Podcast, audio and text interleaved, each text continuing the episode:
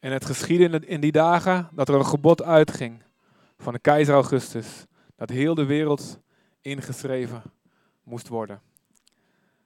De eerste, deze eerste inschrijving vond plaats toen Sirenius over Syrië stadhouder was. En ze gingen allemaal op weg om ingeschreven te worden naar hun eigen stad. En ook Jozef ging op weg van Galilea, uit de stad Nazareth naar Judea, naar de stad van David, die Bethlehem heette, omdat hij uit het huis en het geslacht van David was om ingeschreven te worden met Maria, zijn ondertrouwde vrouw die zwanger was. En het gebeurde toen zij daar waren, dat de dagen vervuld werden dat zij baren zou. En zij baarden, zij baarde haar eerstgeboren zoon, wikkelde hem in doeken en legde hem in de kribbe, omdat er voor hen geen plaats was in de herberg. Ik denk dat we het verhaal allemaal kennen. Dat er geen plek was in de herberg voor Jezus. En ik denk um, dat die mensen behoorlijk druk waren. Iedereen die moest daar komen. Van allerlei steden moesten ze daar komen. Terug naar uh, ja, mensen die daar normaal niet woonden. Ze gingen naar Bethlehem om ingeschreven te worden. Dus er was geen plek. Er kwam gewoon een man met een zwangere vrouw, misschien met een ezel. Die kwam daar langs en ze hadden niet door wie het was.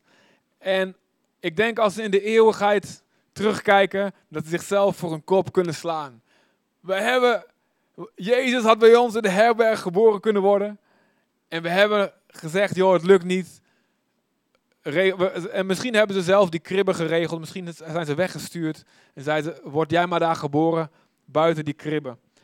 Ze hadden niet door hoe belangrijk het was. Niemand had door hoe belangrijk die nacht was. Hoe belangrijk dat moment was in de tijd. De Bijbel zegt het was de volheid van de tijd. Het was het perfecte moment. God had alles klaargemaakt. Zelfs de politieke omstandigheden waren perfect voor de komst van de Messias. Alle profeten, sommige 700 jaar, sommige 1000 jaar, sommige 1200 jaar of 1900 jaar daarvoor hadden gesproken over dit perfecte moment. En het perfecte moment was gekomen.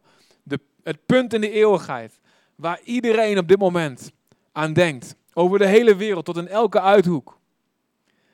Maar zij die erin zaten, die er met een neus bovenop zaten, die hadden het niet door. In, in, uh, in Nederland en hier op Aruba heb je van die oliebollenkramen. Jullie hebben ze allemaal wel gezien, toch? Ja, bij Bright Bakery zijn ze het lekkers, bij Kooiman zijn ze ook lekker, heb ik begrepen. We, we moeten ze allemaal nog uitproberen, we zijn onderweg. Maar in, in Nederland, ik weet niet hier, heb je van die oliebollentesters. En er is nou wat gedoe over geweest in het nieuws. Want eentje, één oliebollenkraam kreeg een 1 van het Algemeen Dagblad. En die werd heel boos en die dacht, je maakt me failliet. En ze hebben excuses aangeboden. Als jij zo'n oliebollentester uh, in jou in de rij krijgt, zijn er wel, misschien staan er wel 20 man, 30 man voor jouw oliebollenkraam als het druk is. Als je weet dat dat de oliebollentester is die jou een cijfer gaat geven, dan maak jij de beste oliebol, ja toch? Je doet extra creamy olie erin, een dubbele rozijn of juist niet, je weet niet waar die van houdt. Je maakt, doet dit poedersuiker, je, je, maakt, je poetst die oliebol even extra op zo. En je maakt, haalt het beste zakje, fluwelen zakje. Je geeft, die, zegt die man, je geeft je je beste glimlach. En je doet een beetje mooie muziek op de achtergrond aan, zodat zijn, zijn, zijn bijtervaring extra gestimuleerd wordt. Jij maakt de beste oliebollen ervaring, oké? Ever. Dat, ja toch, als je weet dat hij er staat.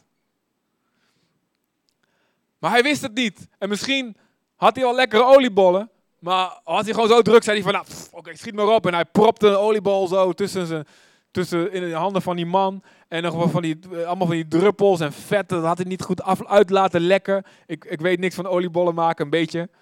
Maar als hij het had geweten, had hij perfect gedaan.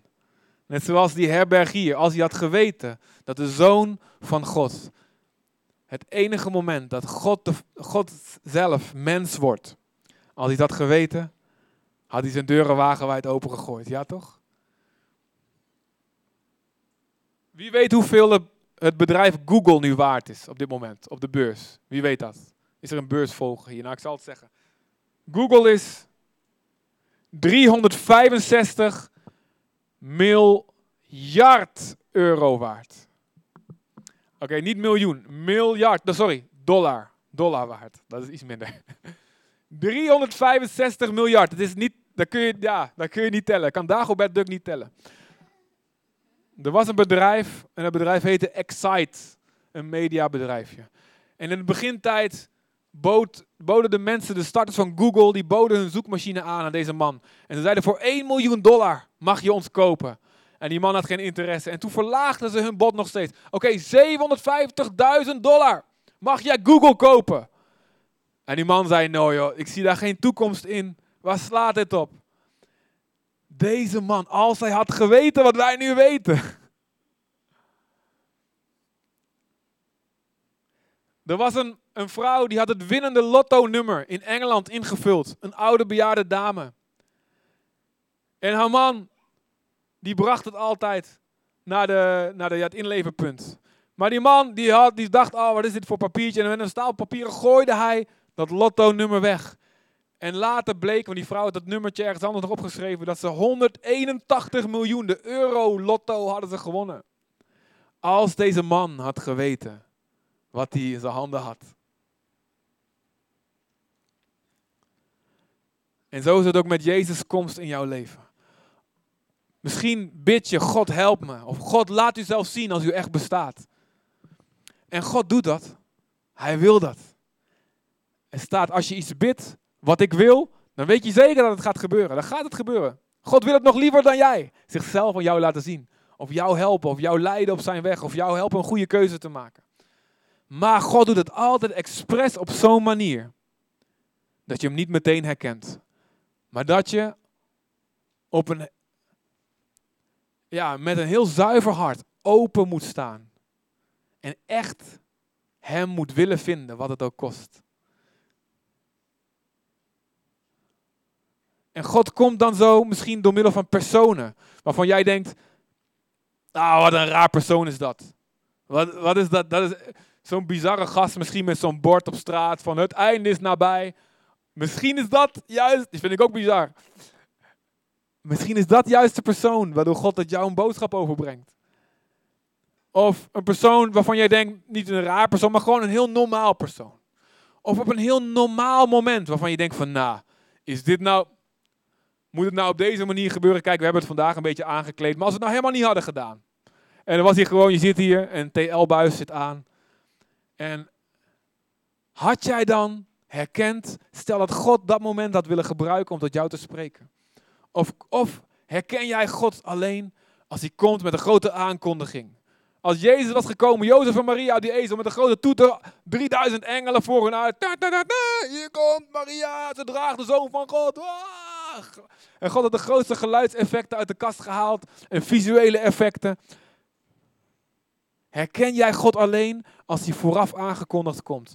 Of alleen op een heel groot en bijzonder moment? Alleen dan ben ik er open voor dat God iets tot mij kan zeggen. Ik vertel je dat zoals Jezus kwam in die nacht, onopvallend, zo komt hij vandaag nog steeds in jouw leven. En er staat later over Jezus geschreven, de profeet Jezaja profeteerde dat. Hij was een man, hij was een gewoon normale man. En wij, wij minachten hem. Hij zag er niet bijzonder uit.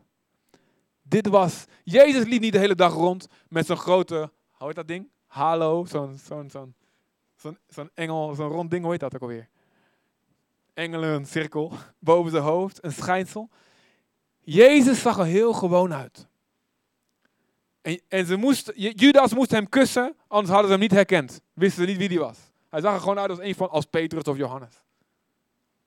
En zo komt Jezus ook in jouw leven.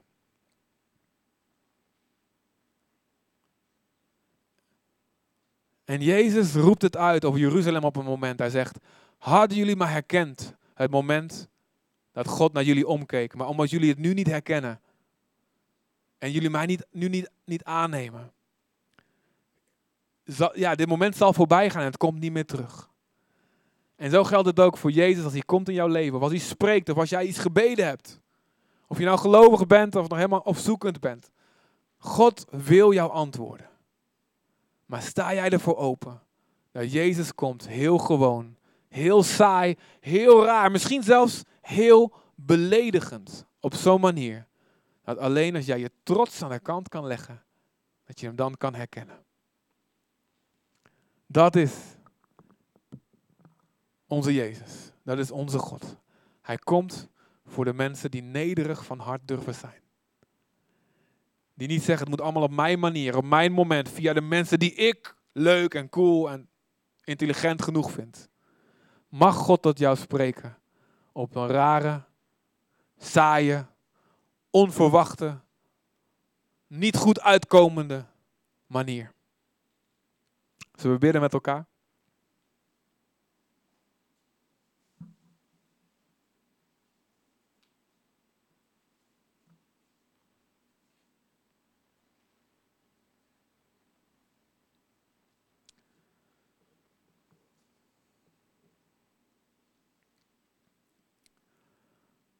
Jezus, ik weet dat u leeft. Toen ik 18 was, heb ik het u gevraagd als u echt bestaat. Als het allemaal waar is. Als die Bijbel waar is, waar ik niks van snap.